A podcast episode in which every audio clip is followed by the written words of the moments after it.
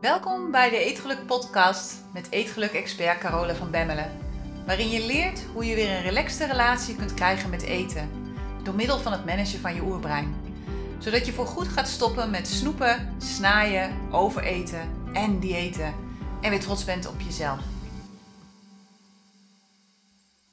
Dag mooie vrouw, deze week heb ik weer een heel bijzondere highlights podcast voor je op het programma staan. Want zoals je inmiddels weet ben ik een heel groot fan van herhaling. En ik blijf dit zeggen. Herhaling is de weg naar meesterschap. Niet het doen van heel veel nieuwe dingen, niet het verzamelen van heel veel nieuwe kennis, maar het herhalen en verdiepen van de dingen die je al weet en dat verbeteren. Je wordt goed in dat wat je vaak doet. Kijk naar topsporters, kijk naar mensen die vaak eindeloos bezig zijn met één piepklein dingetje, met specialisme dat zijn de mensen die uiteindelijk meesterschap bereiken. En daarom is het weer de hoogste tijd voor een highlight editie van de podcast. Omdat ik zeker weet dat zelfs al heb je alles al één keer of meerdere keren gehoord, dat je nu een andere persoon bent dan de persoon die je was toen je het voor de eerste keer hoorde. En de meeste inzichten die komen als je dingen vaker hoort, dingen vaker leest, dingen vaker doet. dus dat betekent dat je nu waarschijnlijk hele andere dingen hoort en dus ook hele andere inzichten gaat krijgen. Oké, in deze editie gaan we het hebben over ontsuikeren. En dan heb ik het niet over stoppen met de letterlijke suikers en suikervrij gaan eten. Want ik kan me voorstellen dat dat is waar je aan denkt als je het hebt over ontsuikeren. Maar ik heb het over een andere manier van ontsuikeren. Ik heb het over ontsuikeren op alle gebieden van je leven. Over het ontsuikeren van je brein en de rest van je leven. En ik ga je uitleggen wat de relatie is tussen je eetgedrag en het hebben van een teveel aan spullen in je leven. Die twee hebben invloed op elkaar. Ook gaan we het hebben over gezond eten op budget. En daarbij kijken we vooral naar het managen van je oerbrein hieromtrent. Ik vertel je wat mij heeft geholpen om gezond te blijven eten en hoe ik mijn brein iedere dag opnieuw. Toen was het nog onbewust. Ik wist nog niet dat dat een goede manier was, maar ik deed het gewoon. Trainde voor het ervaren van overvloed in de periode dat ik in mijn schuldsaneringstraject zat. En tot slot gaan we het hebben over een van de allergrootste eetgelukvalkuilen. En dat is af willen vallen omdat je denkt dat je daarna lekkerder in je vel zit. Geloof me, deze reden is de garantie voor frustratie en wanhoop en terugvallen in je oude gedrag.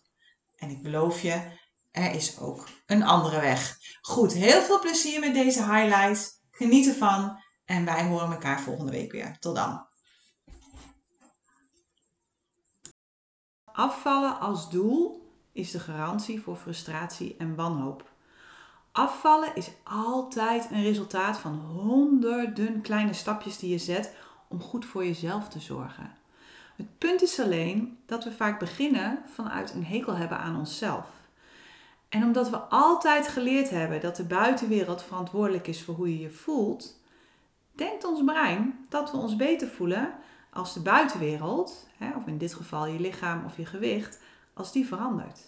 Of als onze partner eindelijk eens een keer gaat doen wat we willen. Dat is ook wel fijn, hè? als hij net zo wordt zoals we zelf zijn. Of als we dat miljoen op de bank hebben staan.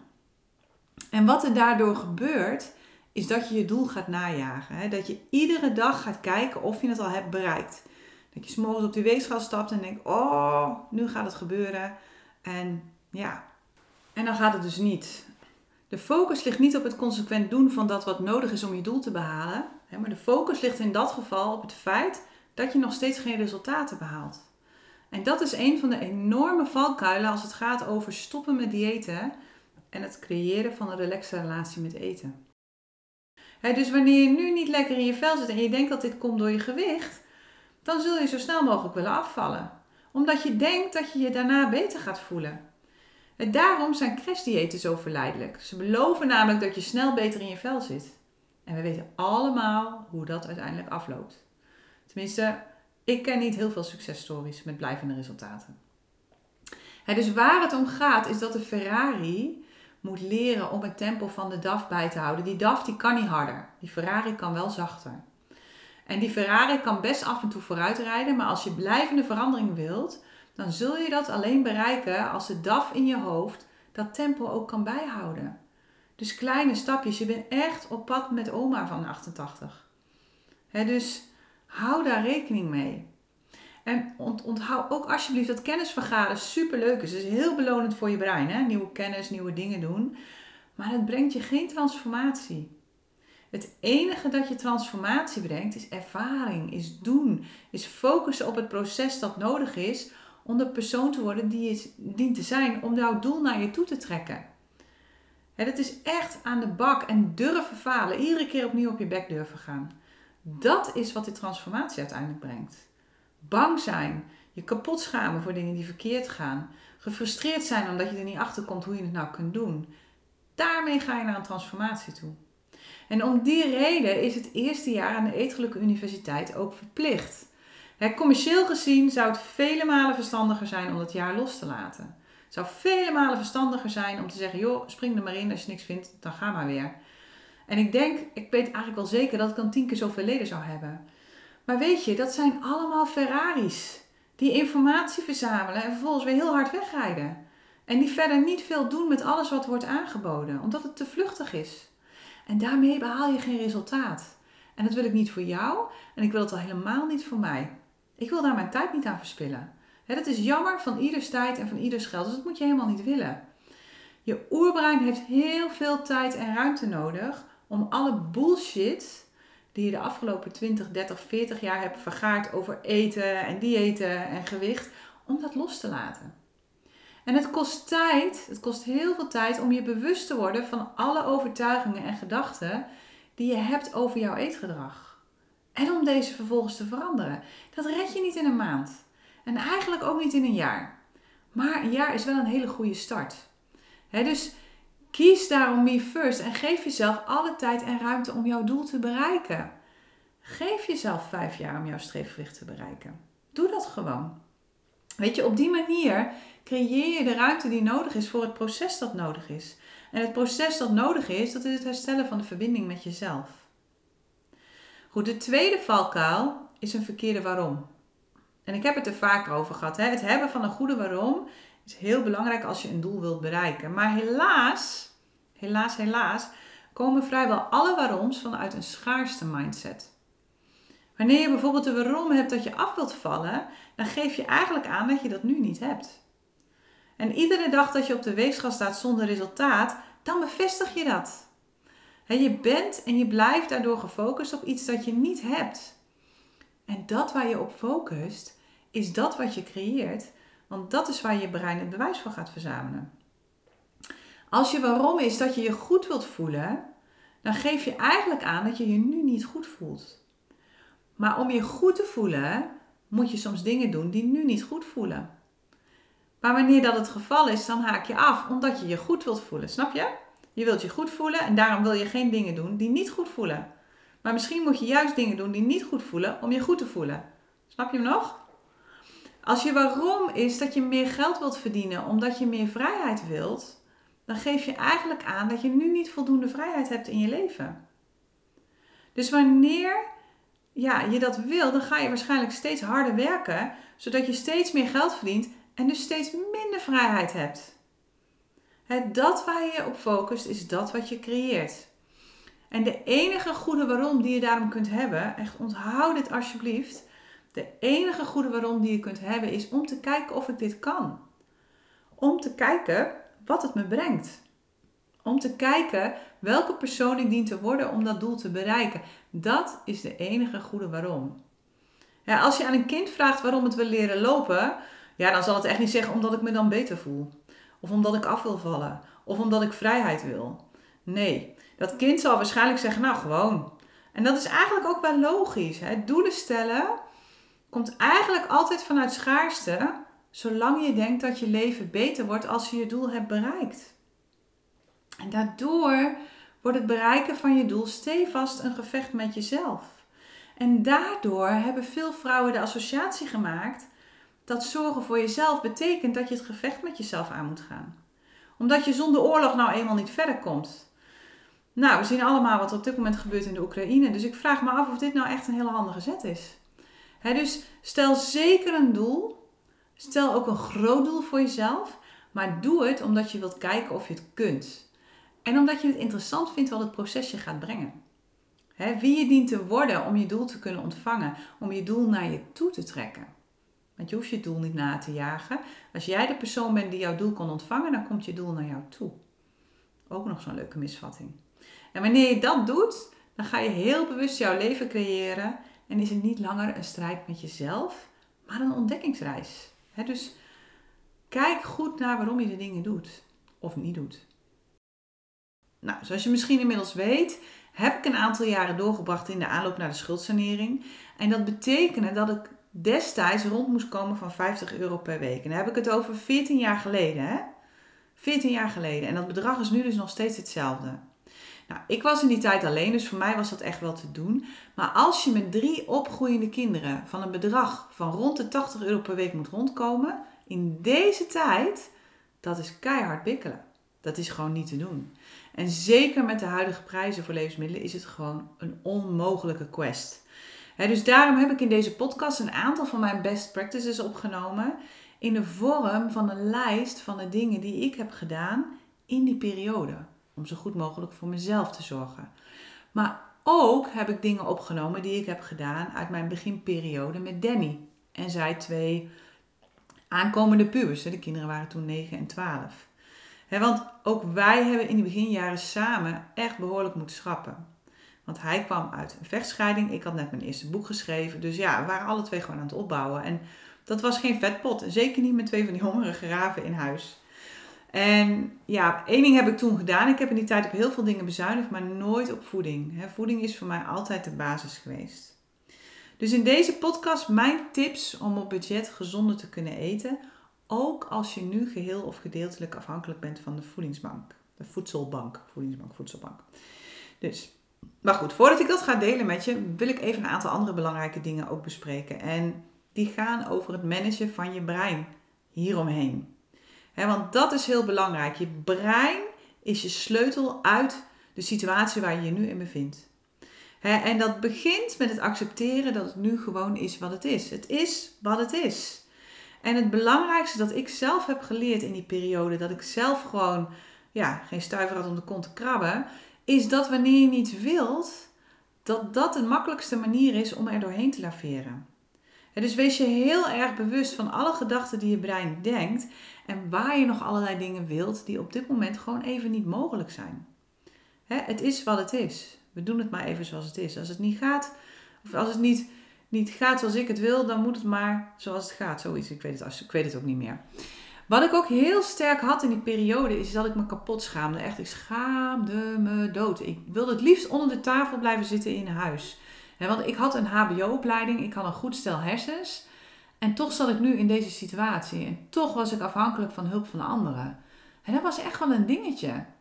En ik zat daar vreselijk op rond te rijden en vreselijk op te kauwen. Totdat een goede vriend tegen me zei van... Hey Carola, op dit moment kun je jezelf de luxe van trots niet veroorloven. En dat is ook oké. Dus accepteer hulp en durf om hulp te vragen. En wees dankbaar voor alle hulp die je kunt krijgen. Ooit kom je in een situatie dat je het weer terug kunt geven aan mensen die het dan nodig hebben. En wat hij ook zei, je bent niet zielig. Want ik vond mezelf heel zielig in die tijd. Je bent nooit zielig. En hij heeft gelijk. Weet je, je bevindt jezelf slechts in een situatie waarin je leert om je over te geven aan dat wat er is. Het is een situatie waarin je leert om het per dag te bekijken en waarin je leert om erop te gaan vertrouwen dat er altijd goed voor je wordt gezorgd. Waarin je leert dat je altijd precies dat krijgt wat je nodig hebt. Maar dat dat niet altijd is wat je wil. Daar was ik ook wel heel snel achter. dus wat mij in die periode heel erg heeft geholpen om iedere dag opnieuw heel bewust te benoemen wat er allemaal was. Iedere keer als ik in een geldkamp schoot, dan trainde ik mijn brein om te kijken naar wat er wel was. ik had een heerlijk huis. Ik had hele lieve vrienden. Ik had een geweldige hond. Ik had mijn auto nodig om te werken, dus die mocht ik houden. Dus daarmee had ik ook een stukje vrijheid. Ik had fantastische collega's en ik had superleuk werk. En wat ik in die periode echt geleerd heb, is om te genieten van de kleine dingen. Zoals bloemen plukken in plaats van een bos bloemen achterloos in je kar gooien in de supermarkt. bosbessen plukken, bramen plukken en daar jam van maken. Ehm, ik ging wandelen met mijn rugzak en zelfgesmeerde boterhammetjes. Weet je, het was echt back to basic. En achteraf gezien heb ik zo ontzettend veel geleerd in die periode. En natuurlijk waren er genoeg momenten dat ik me ronduit kut heb gevoeld. En het meest kut voelde ik me nog als mensen zeiden van, ah, dat komt wel weer goed met jou. Dat ik dacht, ja, jij hebt makkelijk praten. Ik zit hier wel en ik moet er wel mee dealen. en vooral in de periode dat iedereen op vakantie ging, vond ik het lastig. Of als ik nee moest zeggen tegen wat ik ja, op dat moment graag wilde, maar dat gewoon niet ging. Maar juist door te focussen, iedere keer opnieuw, heel bewust te focussen op de positieve kant van de situatie. En vooral ook door creatief te zijn, heeft het me echt heel veel gebracht. dus als je je op dit moment in een soortgelijke situatie bevindt, weet dan dat je misschien geen geld hebt, maar je hebt altijd je brein. Altijd. En je brein is het enige instrument dat je nodig hebt om meer geld te maken voor jezelf. Jouw brein is je sleutel uit de situatie waarin je nu zit. En dat begint echt heel eenvoudig met dankbaar zijn voor alles dat er nu al is. Dus ga je brein daarin trainen. Hoe klote de situatie ook is, ga je brein trainen in dankbaarheid. Ga je brein trainen om te denken in mogelijkheden en niet langer meer te denken in wat er niet meer mogelijk is. Denk niet langer dat kan niet. Of dat gaat nu niet. Maar vraag jezelf regelmatig af: hoe zou ik dat wel kunnen creëren? Wie kan me daarbij helpen? Wat is er allemaal wel mogelijk op dit moment? activeer je brein in die richting en je zult echt, geloof me, versteld gaan staan van waar het allemaal mee op de proppen komt. Nou, vaak denken we dat gezond eten veel duurder is dan ongezond eten. En dat is echt een misvatting. Daar ben ik het gewoon niet mee eens. want het is prima mogelijk om gezonde keuzes te maken, ook als je een klein budget hebt. Het punt is vaak alleen dat wanneer je een klein budget hebt, dat je daar zoveel stress van hebt en dat het zo vervelend voelt, dat je denkt dat je allerlei suikers, en dan heb ik het echt niet alleen aan suikers in de voeding, maar ook leuke dingen doen en spulletjes en weet ik het wat, nodig denkt te hebben voor een goed gevoel. Maar als je die suikers laat staan, dan wordt de behoefte aan eten vanzelf minder. Daar zit de winst.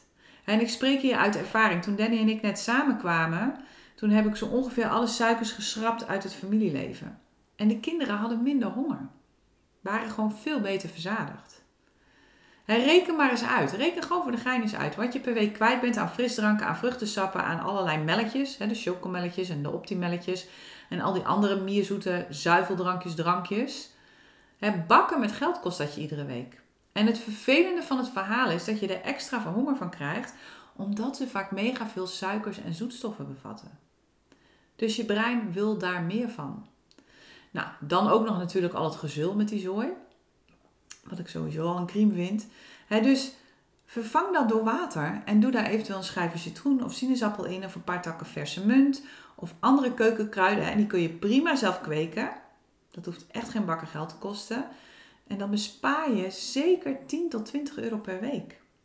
Zeker als je een paar opgroeiende kinderen in huis hebt. Nou, tel daar dan eens bij op wat je kwijt bent voor koekjes, voor snoepjes, voor snacks, voor chips, voor nootjes, voor allerlei andere knabbelwaren. ook hier geldt weer dat je ze niet nodig hebt en dat je er honger van krijgt. want in heel veel van deze spullen zit of een bak met suiker, of een lekkere portie glutamaat. Hè, beter te herkennen op de verpakking als E621 of vaak ook omschreven als aroma's. al die snacks die heb je niet nodig en zul je ook niet missen als je zo volwaardig mogelijk eet. Nou, dat scheelt je ook gauw weer 10 tot 20 euro per week. en wanneer je afhankelijk bent van een pakket van de voedselbank, dan is dat de basis waarom je je boodschappen gaat doen alles draait hier om het woord balans. Je moet het doen met wat je krijgt en daar maak je nu op dit moment het beste van. Op dit stuk heb je even niets te willen. En dat is oké. Weet je, het hoeft niet perfect. Maar wat je wel kan doen, is heel langzaam gaan zorgen voor goede basisproducten in je keuken. Als tegenwicht aan producten die in het pakket zitten die misschien niet heel erg gezond zijn en die kun je bijvoorbeeld kopen van het geld dat je bespaart door frisdranken en snacks te laten staan of door andere dingen niet meer te doen. dus bouw stukje bij beetje aan je basis. En daarbij kun je denken aan dingen als volkoren pasta, volkoren rijst, diepvriesgroenten, uh, andere groenten uit pot of uit blik. maar wat je ook kunt doen, wat je ook kunt doen, is bepaalde producten uit jouw pakket ruilen voor gezondere varianten. Met bijvoorbeeld mensen uit je omgeving die minder waarde hechten aan gezonde voeding, die dat allemaal maar woe vinden. Of je kunt proberen of je de producten kunt verkopen.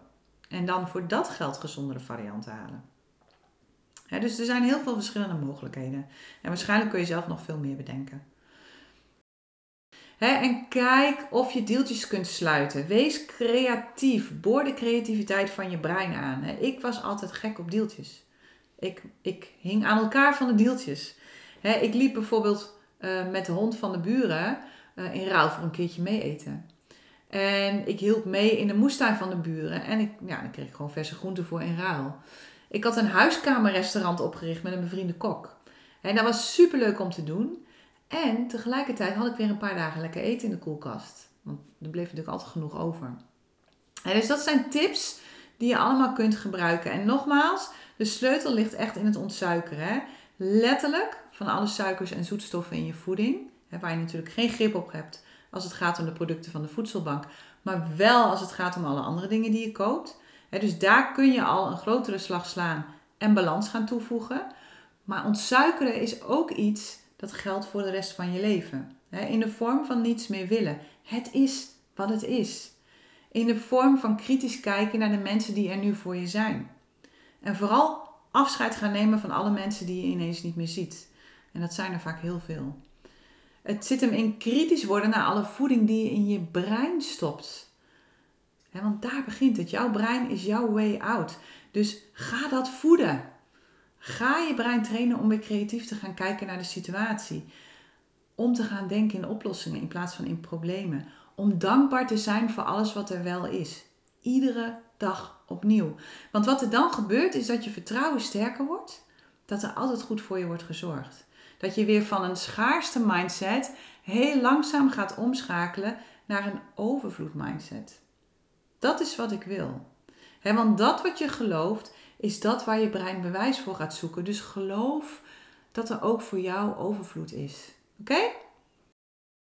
ontsuikeren is voor mij een woord waarin ik alles wat ik doe in één klap omschrijf. en dat is begonnen bij mijn visement. En de periode waarin ik echt volledig teruggeworpen ben op mezelf. Waarin ik heb geleerd om weer menselijk te zijn, want ik was echt niet meer menselijk, geloof me. En niets te willen. om mijn drang naar perfectie los te laten en om vertrouwen te krijgen weer in de goedheid van de wereld en de mensen om me heen. en daarna ging het natuurlijk verder met het letterlijk ontsuikeren. In de vorm van alle Sugar Challenge boeken die ik heb geschreven. Waarin natuurlijk alles werd besproken op het gebied van een suikervrije leefstijl. Suikervrij eten, suikervrij drinken.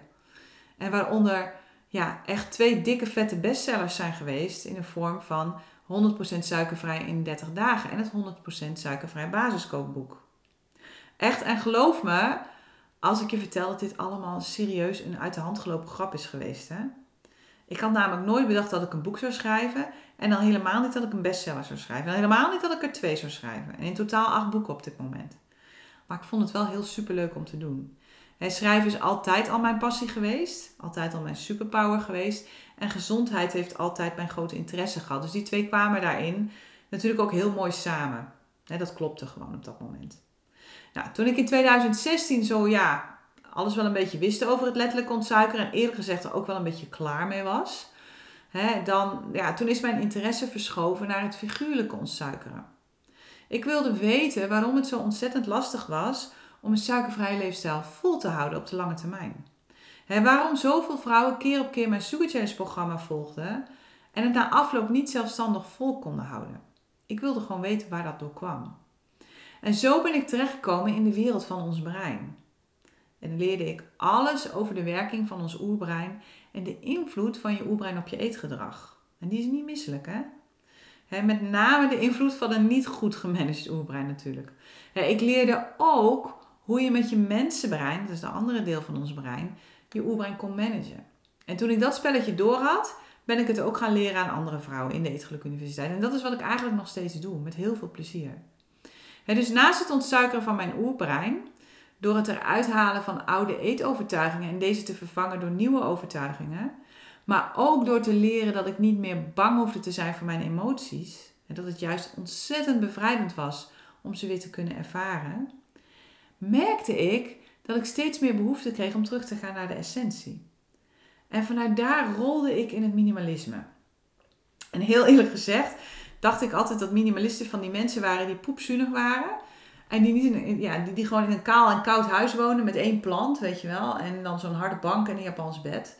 Dat was een beetje het beeld wat ik had van minimalisten. twee sets kleding, eentje om te dragen, eentje om te wassen. En uh, daardoor liep ik er in het verleden eigenlijk altijd met een grote boog omheen. En toen ik hier thuis uh, het woord minimalisme liet vallen, keek Danny me ook echt zo aan, zo van ja, maar wacht even. Ik ga hier niet op een, op een harde bank zitten of zo hoor. Dus die, die had een beetje hetzelfde idee. Maar goed, toen ik ging begrijpen dat minimalisme daar eigenlijk helemaal niet over gaat, toen werd het rustiger hier in het huis. En weet je, minimalisme gaat juist over afscheid nemen van alle ballast in je leven, van alle spullen die je toch niet gebruikt. Maar die wel plaats innemen in je leven. Van alles waar je niet meer blij van wordt. Op allerlei gebieden. En dat begon bij mij een beetje toen wij van Duitsland naar Nederland verhuisden. Twee keer hebben we moeten rijden met al onze zooi. Het was echt niet leuk hoor. En dan had ik daar al heel veel spullen opgeruimd. Ik was ervan overtuigd dat het allemaal in één vrachtwagen kon. Echt, werkelijk. Ik werd letterlijk niet goed van alle zooi die we hadden. dit nooit meer is wat ik me destijds heb volgenomen. En het punt met al die spullen is, het punt met spullen in het algemeen, is dat aan ieder ding een verhaal kleeft. dus hoe klein het ook is, aan alles wat je in huis hebt, ja, kleeft een verhaal. Dus iedere keer dat je dat ding ziet, dan komt dat verhaal naar boven in je brein. Dus met heel veel spullen zitten er ook heel veel verhalen in je brein. Dus je kunt je voorstellen dat wanneer je veel spullen hebt, dat je ook heel veel verhalen in je brein hebt die je steeds opnieuw activeert. Iedere keer als je die spullen ziet, activeer je die verhalen. Vaak onbewust, hè? Niet eens bewust. Waardoor er nog maar weinig ruimte over is voor het creëren van nieuwe verhalen. Dus ik besloot om te gaan ontspullen. Nou ja, lang verhaal kort. We zijn er ruim drie jaar mee bezig geweest. En wat enorm heeft geholpen, is dat beide kinderen de afgelopen jaren uit huis zijn gegaan. en een groot deel van alle spullen dus ook heel goed konden gebruiken. dus het was heel fijn dat die kinderen een deel van die spullen allemaal al meenamen. Want ik vond het best wel bezwaarlijk. Want het waren gewoon echt goede spullen. En het laatste restje hebben we kunnen verkopen uh, via Marktplaats vanwege onze immigratie. Dus op dit moment hebben we echt alleen nog maar die dingen in huis die we of gebruiken of waar we heel blij van worden. En deze keer was het echt één vrachtwagen. Maar ja, nog steeds vond ik dat best wel heel veel. Want voor mijn gevoel hadden we veel meer opgeruimd dan dat. dus dingen waar we niet meer blij van worden, ook hier in huis, die worden gelijk in de schuur gezet. En zodra we een ritje bij elkaar gespaard hebben, gaan we hier naar de loppis. De loppis is hier een ander woord voor de kringloop en brengen we het gewoon weg. Maar dit is gewoon niet meer veel. Omdat we heel veel kritischer nadenken over alles wat we in huis halen. En ik vind dat heel erg fijn. Nou, je zult je nu misschien afvragen, waar gaat dit heen? Wat heeft dit alles nu met je eetgedrag en je relatie met eten te maken heeft? En het antwoord op die vraag is heel veel. Want door te gaan ontsuikeren op al die verschillende gebieden, ga je namelijk stapje voor stapje de verbinding met jezelf weer herstellen. want jouw strijd met eten gaat niet over eten. Je gaat maar over één ding en dat is de relatie die je hebt met jezelf.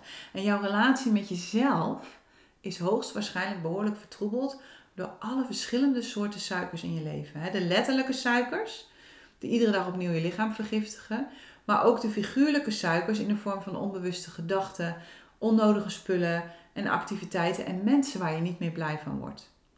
Dus waarschijnlijk heb je veel meer suiker in je leven dan je nu op dit moment denkt. En al deze suikers vertroebelen ieder voor zich de relatie die je hebt met jezelf. ze zorgen ervoor dat je denkt dat je eerst perfect moet zijn voordat je van jezelf kunt houden. Waardoor je steeds verder verwikkeld raakt in een eindeloze strijd met jezelf. je oerbrein denkt dat je dit kunt oplossen met een volgend dieet of met een nieuwe jurk of met leuke dingen doen. Maar niets, niets, niets is minder waar wanneer je jouw strijd met eten en met jezelf wilt stoppen, wanneer je weer verliefd wilt worden op de vrouw die je altijd al hebt willen zijn, en waarvan je weet dat ze er is, dan zit er maar één ding op en dat is dat je zult moeten ontsuikeren. Op alle gebieden van je leven. Want alleen dan, alleen dan is het mogelijk om voor altijd te stoppen met snoepen, snijden en overeten. dus ontsuikeren op al deze drie niveaus zorgt ervoor dat je al die dingen die jouw relatie met jezelf vertroebelen, gaat verwijderen uit je leven. Stukje voor stukje voor stukje. Waardoor je steeds beter gaat voelen wat goed voor je is en wat je echt nodig heeft. En dat heeft zijn weerslag op je eetgedrag.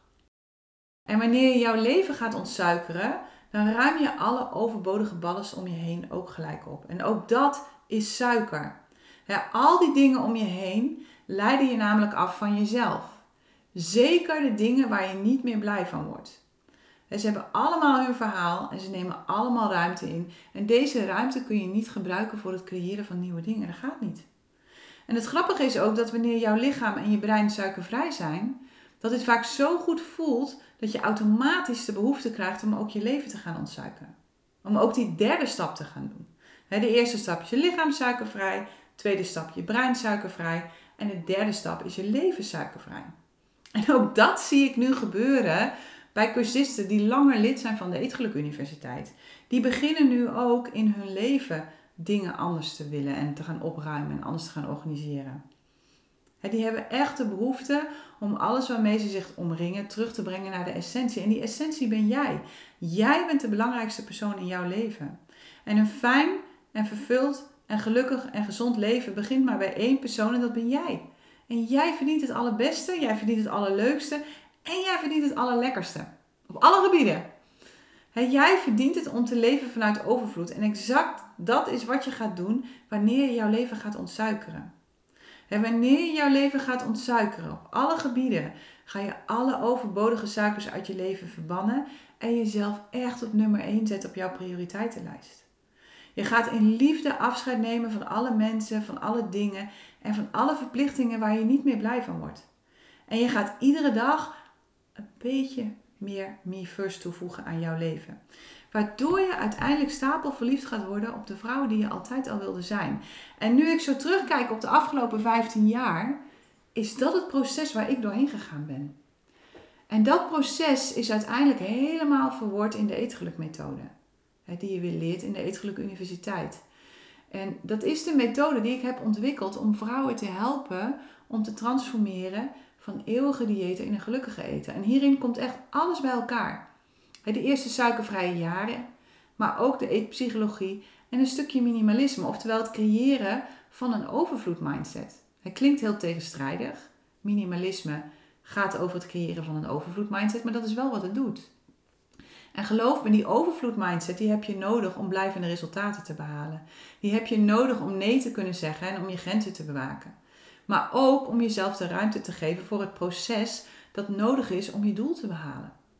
He, dus ontsuikeren is veel en veel en veel meer dan alleen het laten staan van suikers en bewerkte voeding. Dat is absoluut wel de eerste stap van het proces. je zult eerst balans in je lijf moeten herstellen voordat je verder kunt met het managen van je oerbrein.